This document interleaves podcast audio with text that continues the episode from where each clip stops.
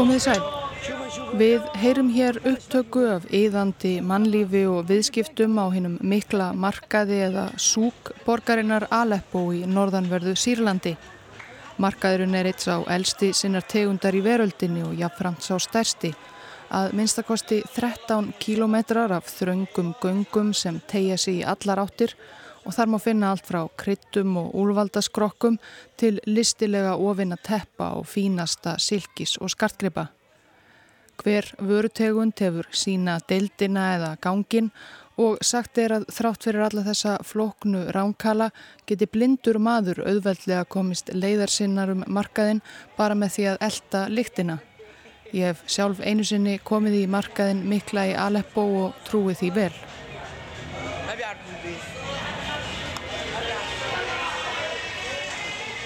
En reyndar eru komin all nokkur ár síðan ég var þar á ferð og sömuleiðis síðan þessi upptaka sem hér hljómar var tekin. Það er eflaust ekki sama líf og fjör á markaðnum í Aleppo í dag. En það hefur stærstur hluti hans skemst mikið og brunnið í þeim bardugum sem gleift hafa borgarlífið í Aleppo í sig undan farin fjögur ár.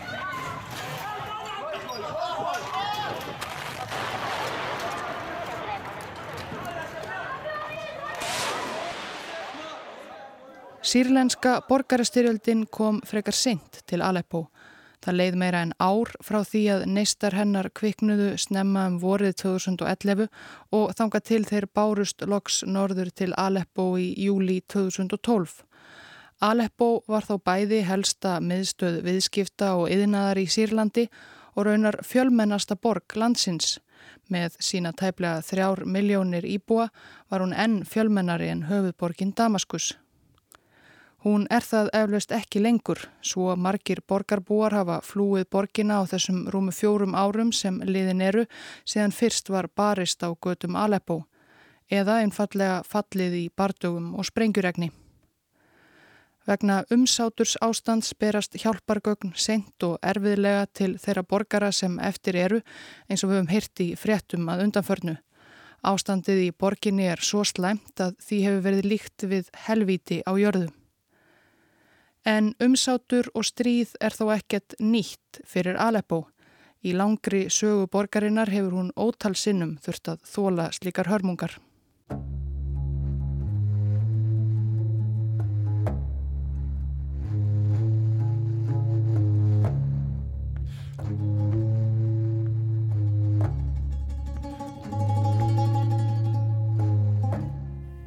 Elstu hlutar markaðsins gamla í Aleppo eru frá 1300 og eitthvað en sagaborgarinnar nær miklu, miklu lengra aftur. Eins og raunar fleiri borgir á þessu svæði í Östurlöndum gerir Aleppo tilkall til þess að vera meðal þeirra borga sem eiga sér lengsta sögu óslitinar búsetu. Það er reyndar erfitt að segja til um það nákvæmlega hversu lengi við mennirnir höfum búið á því svæði sem nú kallast Aleppo Því þúsundur ára hafa kynnslóðirnar einfallega byggt ofan á hver aðra og gert þannig fordlefa fræðingum framtíðarinnar erfitt um vik. En grunur leikur á því að fólk hafi verið búið að setja stað á þessu svæði strax einhver tíman á milli 5 og 6 þúsund fyrir krist þegar forfiður okkar voru rétt að byrja að þróa með sér landbúnað og móta leirker og potta. Elstu rituðu heimildir um byggðina sem síðar varð borgin Aleppo eru um 3000 árum yngri, eru því um 5000 ára gamlar. Það eru fleigrúnir á leirtöflum sem fundust í rústum forna borgaríkisins Eblu árið 1974 um 55 km suðu vestur af Aleppo. Þá hafði nafnið Aleppo ekki enn komið fram en af áleitrunum að dæma hafði þessi fyrirrennari borgarinnar þegar öðlast bæði viðskiptalegt og hernaðalegt mikilvægi. Það er svo sem ekki að undra þegar litið er á landakortið og hugsað út í landfræðilega stöðu borgarinnar. Meðan við nútíma landamæri er Aleppo í norðanverðu Sýrlandi, það er ekki nema rétt 50 kilometrar í norður að landamærum Tyrkland sinns og fugglinn flýgur en með að við landafræði fornaldar var borgin einmitt um það byl miðja vegu milli strandar miðjararhafsins og Mesopotamíu sem nú nefnist Írak. Hún var í alfara leið viðskipta og verslunar og setna til dæmis viðkomustadur á silkileiðinni frá Asíu til Evrópu.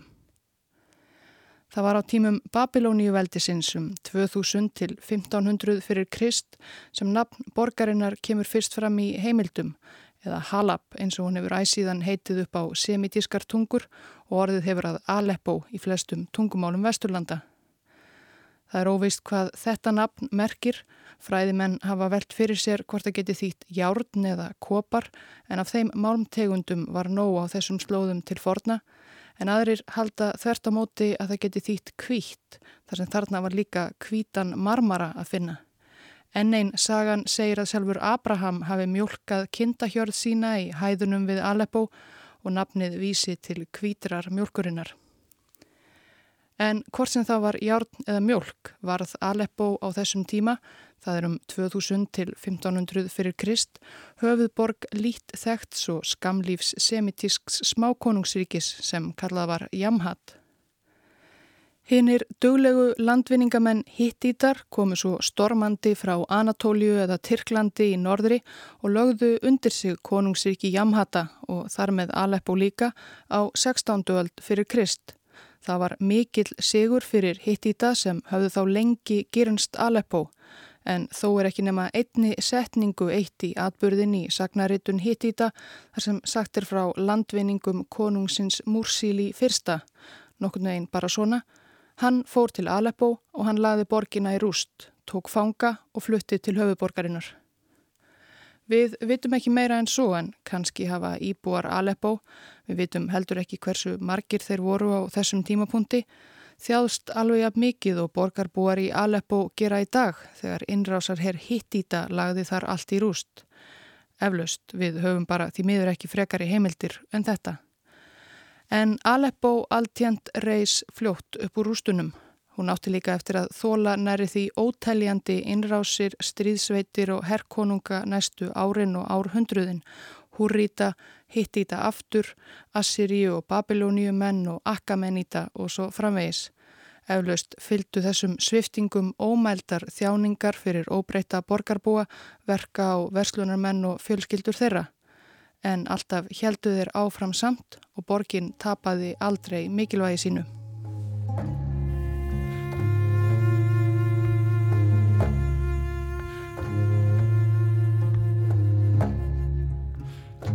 Á því hljómfagra árið 333 fyrir Krist kom enneitt konungurinn stormandi úr norðvestri og lagði undir sig Aleppoborg sem þá hafi verið á valdi hinn að persnesku Akameníta. Þessi konungur kom nokkuð lengra að og Aleppo var bara örlítill hluti af gríðarlegum landvinningum hans því þetta var sjálfur Alexander Mikli. Eftir að hann lést um áratug síðar var veldi hans sem kunnugt er skipt upp á milli hersöðingja hans og Aleppo eins og mikill hluti austurlanda nær lendi á yfiráðasvæði Selefkosar nokkurs Nikators hvers ríki var síðan kent við hann, Selefkíta veldið. Á tímum Selefkíta fekk borgin annað nafn, gríst nafn, Beroea í höfuðið á borg nokkur í Makedóniu. Lengi mátti sjá ummerki um grísk ættað borgarskipulag í gödumynd elsta hluta Aleppo, bein og breið stræti en að öðru leiti hefur lítið varðvist af helleníska tíma borgarinnar enda heldu innrásarherinnir og konungsríkin áfram að koma og fara. Armenski konungurinn Tigranes Mikli lagði borgina undir sig á samt stórum hluta þess sem nútelst Sýrland árið 88 fyrir Krist en tæpum tveimur áratugum síðar var röðin komin að Rómverjum sem þá lögðu konungsríki Tigranesar undir sig og Aleppo með. Aleppo var hluti af rómverska héræðinu Sýrlandi næstu þrjár aldinnar. Á rómartímanum var grunnur lagður að þeirri velsælt sem átti eftir að enkjanna Aleppo næstu aldinnar með nokkrum hlýjum þó. Íbúum borgarinnar fjölgaði og Aleppo var það næst stærstu borg hins rómverska Sýrlands á eftir höfuðborginni Antiókíu og borgarbúar nutu einu sinni sem oftar góðs af staðsetningu borgarinnar í þjóðleið. Annars var rómartímabil borgarinnar ekki sérlega tíðindamikið Allavega ef markam á það að borgarinnar er sjaldan getið í heimildum frá þessum tíma. Kanski hefur lífið bara gengið sinn vanagang og ekkert við það að aðtuga og engu við það að bæta. Kaup síslumennir síslað sitt og svo framvegis. En hafi einhverjir borgarbúar örvæntaði yfir þessu tíðindaleysi þá þurftu þeir þess ekki. Aleppo átti sannarlega eftir að komast aftur í sögubækunar en óbreyttum íbúum borgarinnar ekki alltaf til góðs.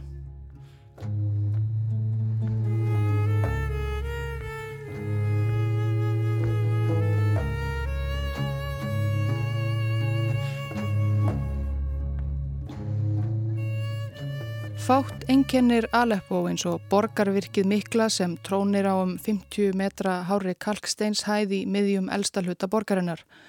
Virkið er eins og öllin forna Aleppo á heimsminjaskrá UNESCO menningarstofnunar saminuðu þjóðana og var um árabil bæði helsta tákn borgarinnar og einn af fjölsóttustu ferðamannastöðum Sýrlands. En nú hefur það líklegast helst á sérstöðu meðal fornra stríðsmannvirkja að það gegnir í dag mörg hundruð árum eftir að það var reist aftur sínu upphaflega hlutverki. Rifur í þykkum steinmúrunum þar sem bógmenn munduðu áður boga sína eru nú notaðar af leyniskittum sírlenska stjórnarhersins. Nær örugt er líka að borgarvirkið hefur skemst verulega á þeim fjórum árum sem Aleppo hefur verið í heljargreipum styrjaldar en ekki verður undað meta tjónið fyrir en hún er á enda.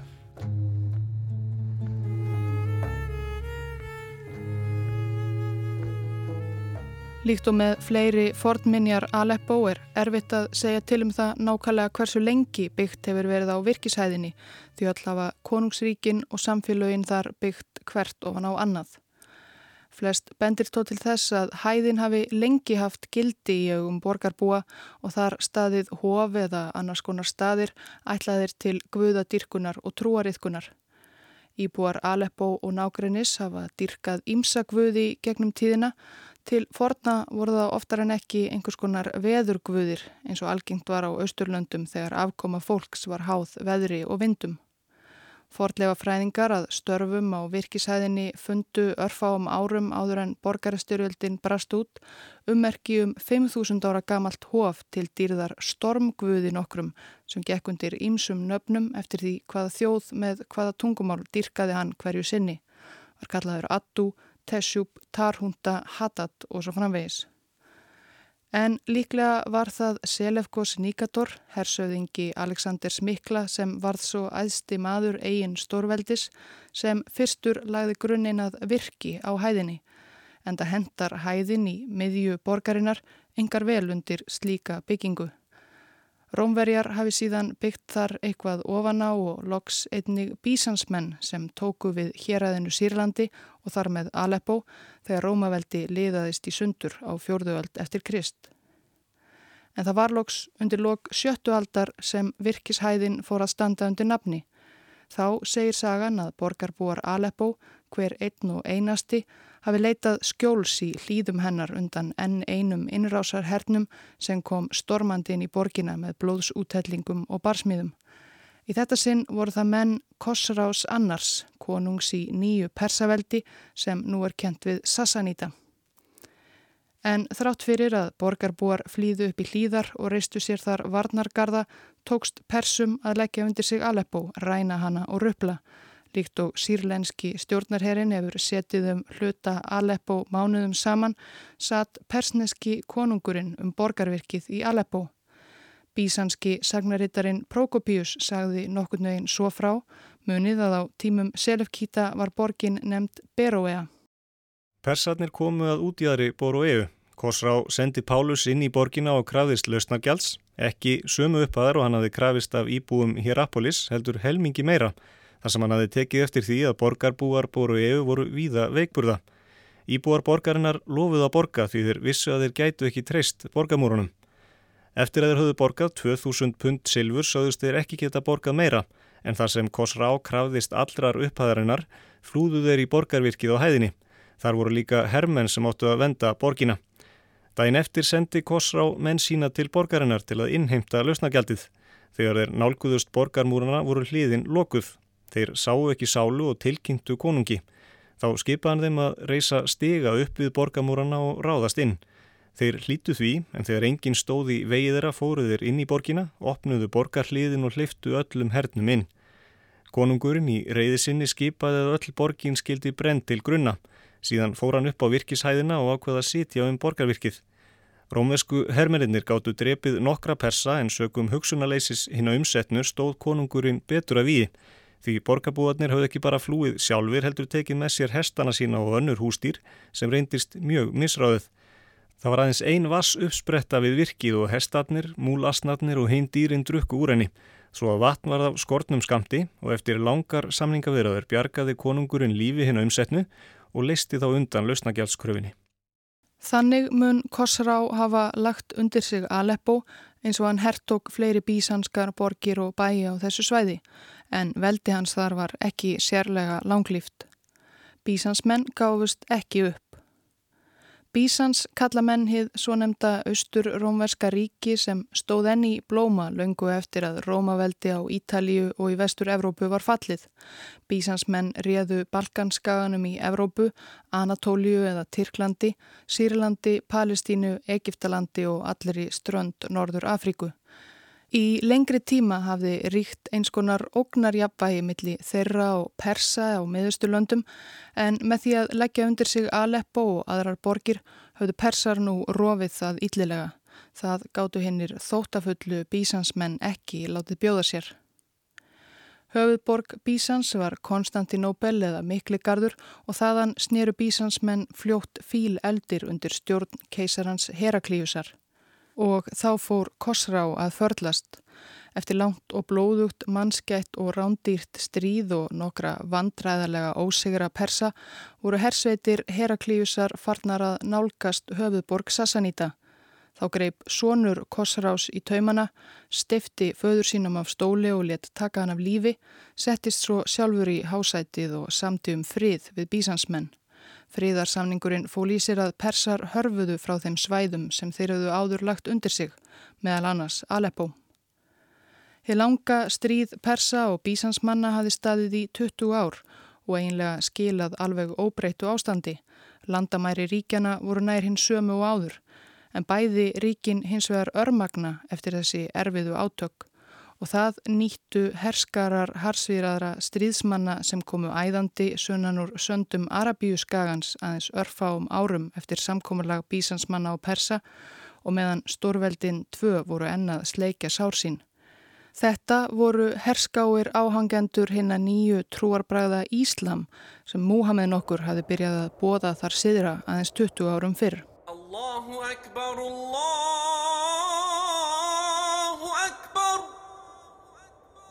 Allahu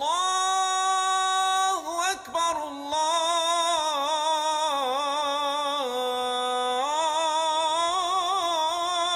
Akbar Aleppingar fengu ekki að vera lengi í friði. Múslimatnir gengur hratt til verks. Undir stjórn hersöðingjana Khalid ibn al-Walid og Abu Ubaida ibn al-Jarra lögðu þeir undir sig hverja borgina og hvern bæin á fætur öðrum, bæði frá persum og bísansmönnum. Persaveldi fjall raunar með braki og brestum fyrir arabum en bísansmenn voru aðeins erfiðari viðfangs. En árið 637 voru arabísku hermennir allavega komnir allaleið til Aleppo. Þegar herir múslima nálguðust munu borgarbúar hafa beðist vægðar, sagst vera fátækir og auðmir, en slík væli fjall hersöðingin Khalid, sverð, guðs eins og hann er stundum kallaður, ekki fyrir. Hann gaf skýrt til kynna að hann ætlaði að taka borgina og engar revjar. Bísanskur hersöðingjanafni Jóakim fekk það verkefni að verja Aleppo. Það var ekki öfundsvert verkefni. Bísansríkið hafði ekki náð sér eftir því erfiða stríð við Persa og Jóakim fekk litla sem enga aðstóð frá Konstantinópel. Arabannir voru hins vegar sigur vissir eftir að hafa knésett Persa og þeir komust fljótt inn fyrir borgarmúrana. Jóakim og menn hans leituðu að endingu skjóls í borgarvirkinu og hæðinni. Þar heldu þeir út í fjóra eða fimm langa mánuði umkringdir af herr muslima. Loks sá Jóakim ekki annan kost í stöðunni en að gefast upp og hleypa hersöðingjanum Khalid Sigri Rósandi inn í virkið í Aleppo. Svo segir sagan að Jóakim sjálfur hafi tekið Íslamstrú og orðið hersöðingi í herr muslimana. Með komu Araba fekk borgin aftur sitt gamla semitíska nafn Halab eða Aleppo eins og við þekkjum hana enn í dag. En það hafa Arabar og arabísk menning verið að mestu ráðandi í borginni æg síðan. En kannski hefur borgarbúum í Aleppo reynst erfitt að reysa borg sína og rústum stríða undanfarina áratuga því eftir þetta virðist henni hafa hnignað talsvert. Allavega er hennar ekki oft getið í heimildum. Fyrstu aldirnar sem muslimar voru þar við stjórnvölinn. Og af því hafa sagfræðingar ætlað að hún hafi korki verið sérstaklega mikilvægni fjölmenn á þessum tíma. En Aleppo átti þó eftir að rýsa upp aftur einu sinni sem oftar.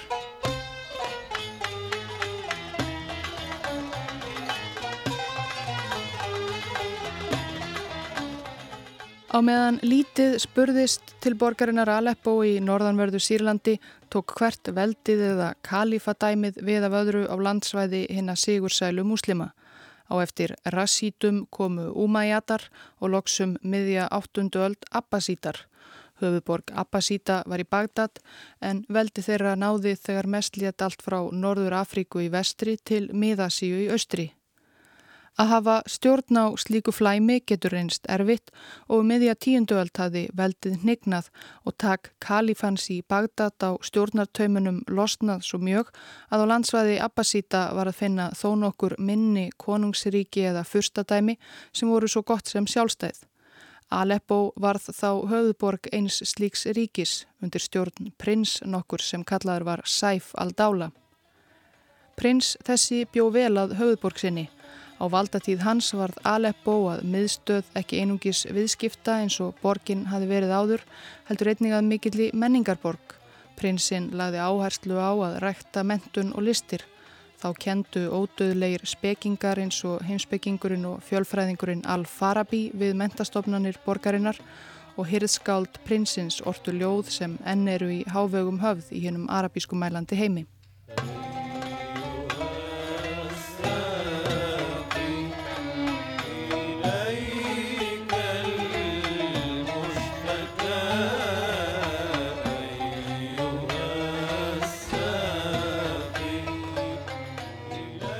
Fjölmarkar þjóðir og þjóðarbrot með sínar ólíku tungur og trúarbröð hafa sett svipsinn á Aleppo í gegnum tíðina og það er ekki bara íslömsk og arabísk menning sem fengið hefur þar að blómstra. Nei, Aleppo var til dæmis lengi menningarmiðstöð gýðinga. Saga gýðingana í Aleppo er bæði laung og rík. Gýðingar hafa búið á þessu svæði þar sem nú er Aleppo og nágrenni borgarinnar í þúsundir ára en líklega var það á tímum rómverskra yfirráða sem geðingar byrjuðu fyrst að setja staði í Aleppo í stórum stíl á sama tíma og mikilvægi borgarinnar sem viðskipta miðstöð jógst. Gýðingarnir í Aleppo komið sér fyrir í sínum sérstöku hverfum, reistu sér sínagókur, stunduði sín viðskipti eða önnur störf og fengu yfirleitt að lifa sínu lífi mestmægnis í friði frá áreiti yfirbóðara og annara borgarbúa, svo lengi sem þeir fóruða lögum og borguðu skatta og svo framvegis. Þeir þróuðu með tímanum með sér sína sérstöku aleppísku gýðingamenningu og hefðir.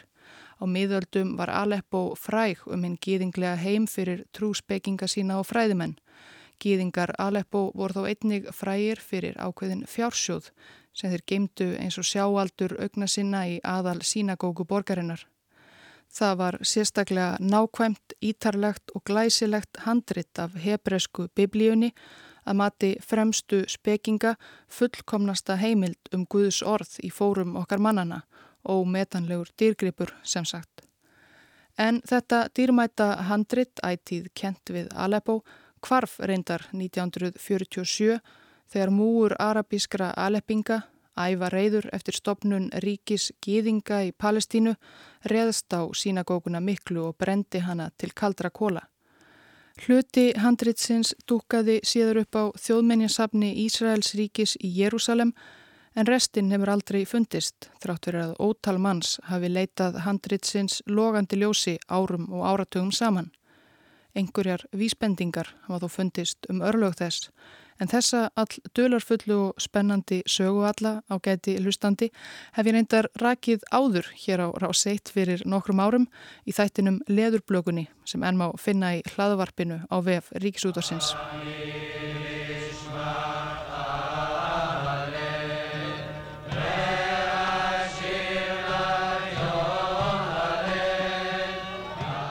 Það var fleira sem skemmtist en sínagókan mikla í óerðunum eftir stopnun Ísraels ríkis 1947. Gýðinga samfélagið í Aleppo með sína mörg þúsund ára sögu varð aldrei samt. Líkt og gerðist allstæðar í löndum Araba fluttu gýðingar í hrönnum frá Aleppo og Sýrlandi til hins nýstopnaða Ísraelsríkis eða bara til bandaríkjana.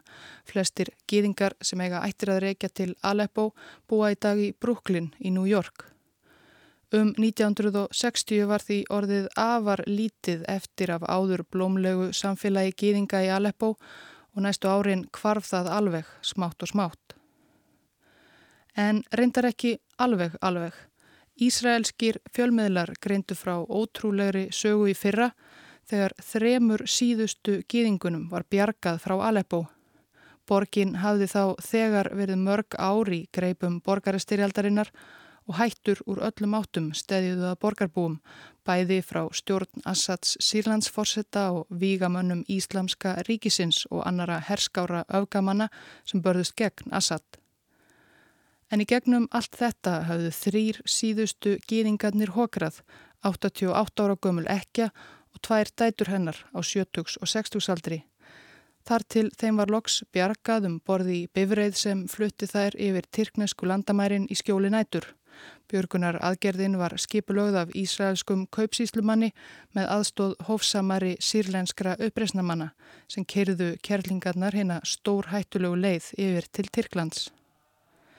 Það væri óskandi að hægt væri að bjarga á samahátt öllum þeim mörg þúsundum öðrum borgarbúum sem nú þurfa að lifa það helvíti sem sírlenska styrjöldin hefur skapað í borginni. En nú eru alltjent engir gýðingar eftir í Aleppo.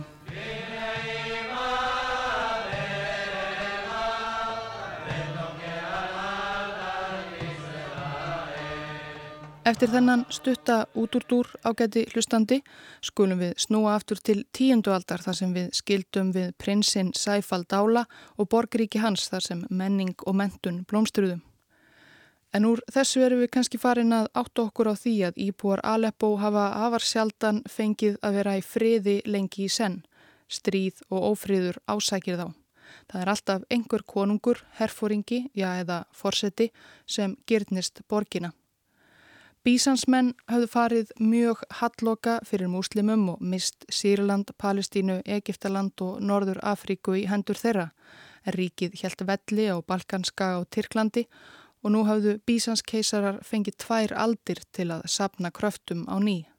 Og nú hafðu þeir huga á því að endurheimta landsvæðin sem þeir mistu í hendur Arabana um árið.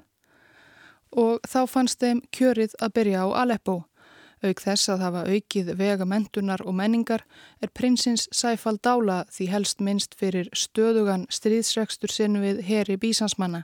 Yfirleitt tókst honum að verjast ágætlega og réðist einnig stundum sjálfur inn á yfirráðasvæði Konstantinópels að fyrrabræði. En árið 962 réðust bísansmenn inn í höfðborg hans Aleppo, lögðu hann undir sig og allu mikilli eðileggingu. Arabíski landfræðingurinn Ibn Hákal lísti atbörðunum nokkrum árum síðar. Gríkirnir eigðilöðu moskuna, tóku konur og börn til fanga og brendu húsin. Það var borgarvirki í Aleppo en það var ekki stert og ítla byggt. Allir borgarbúar höfðu flúið í vonum skjól en flestir fórust þar með eigum sínum og kvikfjanaði. Þeir sem eftir voru, bæði borgarar og flótamenn úr nágrenninu voru teknið til fanga.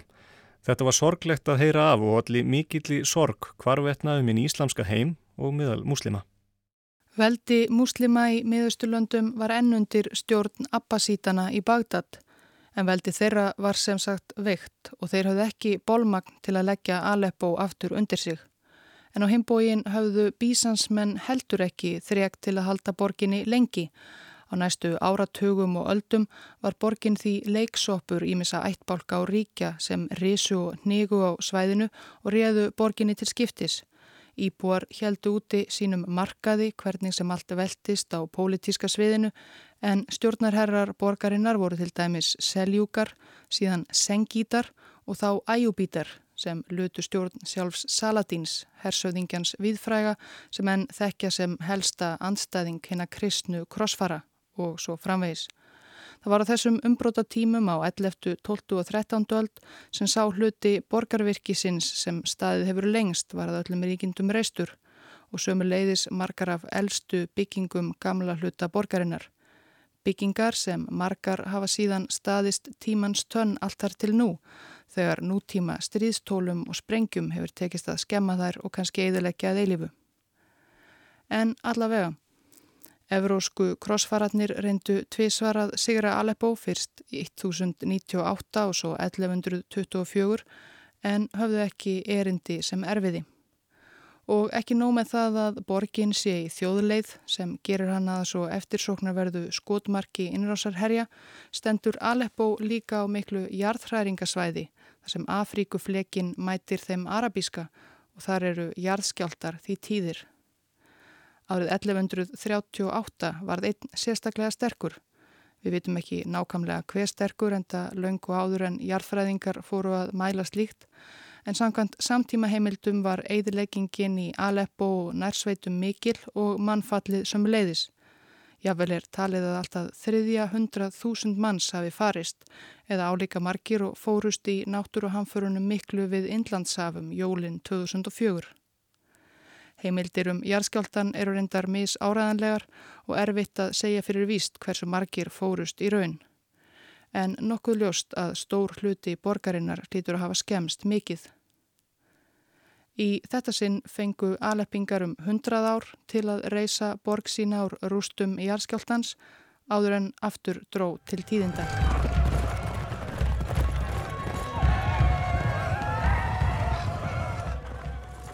Í byrjun 13. aldar, um það leiti sem aleppingar fengust við endurbyggingarstarfið og viðsvegar um Östurlönd voru innfættir að kljást við kvimleiða krossfara úr vestri, var maður að nafni Temudín uppi á sléttunum þar sem nú heitir Mongólia að sísla við það að sameina hyrðingja ættbálkana þarum slóðir undir eigin fóristu og þegar hann hafi lokið því tók hann sér titilinn Gengis Khan og ætti með fylgismenn sína niður af slettunni og lagði undir sig gríðarlegt landsvæði. Gengis lést 1227 en hersing hans helt áfram landvinningunum undir stjórn Sona hans og Sonarsona. Í árslokk 1259 voru þeir komnir til Sýrlands með Sonarsonin Húleg og Kani broti fylkingar og Aleppo var með fyrstu borgunum í Sýrlandi sem mongólatnir beindu spjótum sínum að. Mongólatnir buðu borgarbúum að gefast strax upp en yfirvöldi í Aleppo tóku það ekki í mál. Svo að mongólatnir umkringdu borgina og dag og nótt letu grjótvörpur þeirra stórgríti rigna yfir borgarbúa. Á sjönda degi tókstu mongólunum að brjóta sér leið innum borgarmúrana Þegar inn í Aleppo var komið brutu þeir auðvitað allt og brömluðu, kveiktu í moskum og höllum og slátruðu óbreytum borgurum. Hermennir sem gættu borgarvirkisins heldu þar út í þrjár vikur til viðbútar en svo fjall það líka og þeir sem þar voru inni var sömuleiðis slátrað. Þeir sem lifðu af þessa stráfællingu áttu ekki mikið gott í vendum.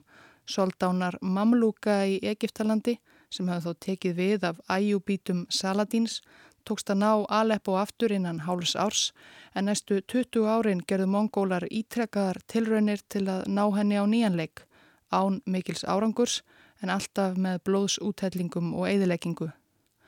Og flótamannaströymi líkt og nú, þegar mongólar gerðu enneitt áhlaupið á borgina 1280 flúði stór hluti borgarbúa til Damaskus eflaust farin að þekka hvað væri í vændum þegar mongólar nálguðust og margir sneru aldrei aftur. Loka nikkurinn kom svo rúmlega hundrað árum síðar með enn einum innrásar hernum frá sléttum miðasíu í þetta sinn undir stjórn Tímúrs nokkurs sem stundum er kallaður sá haldi og enn einu sinni var Aleppo einmitt í leiðinni.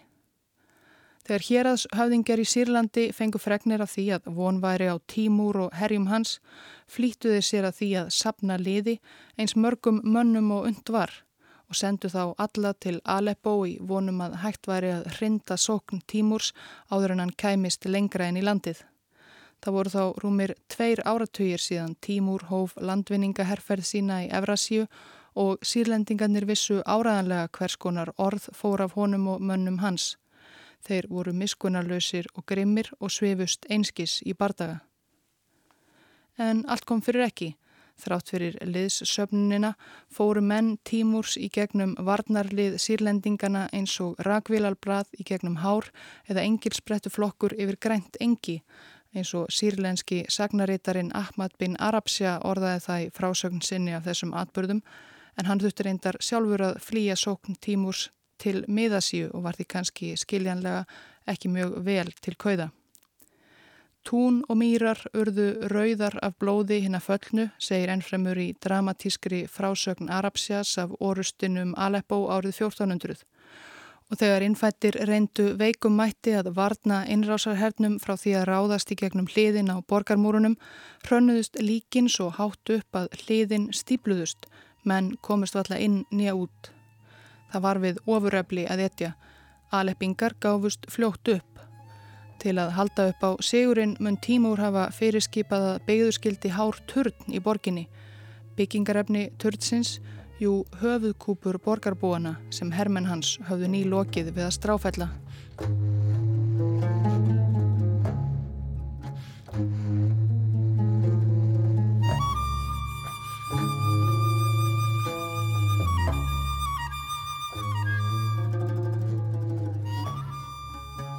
Ágæti hlustandi eins og við höfum heyrt þá hefur gengið á ímsu í sögu Aleppo borgar síðustu aldir og árþúsund. Stríð og umsátur eru fornum strætum borgarinnar alls ekki framandi. En nú er nóg komið af ósköpum í byli. Við skulum láta staðarnumið við tímúr og höfuðkúpu törn hans. Ekki gefst tími til þess að fjalla frekar um sögu Aleppo hér og nú. Í síðari þætti verður sjónum meðal annars beintað sögu borgarinnar á tímum Tyrkjaveldis en undir verndarvæng Soldánsins í Konstantinóbel múi segja að fjölbreytt mannlíf Aleppo hafi fengið að blómstra sem aldrei fyrr. En harmleikurinn var þó aldrei mjög langt undan.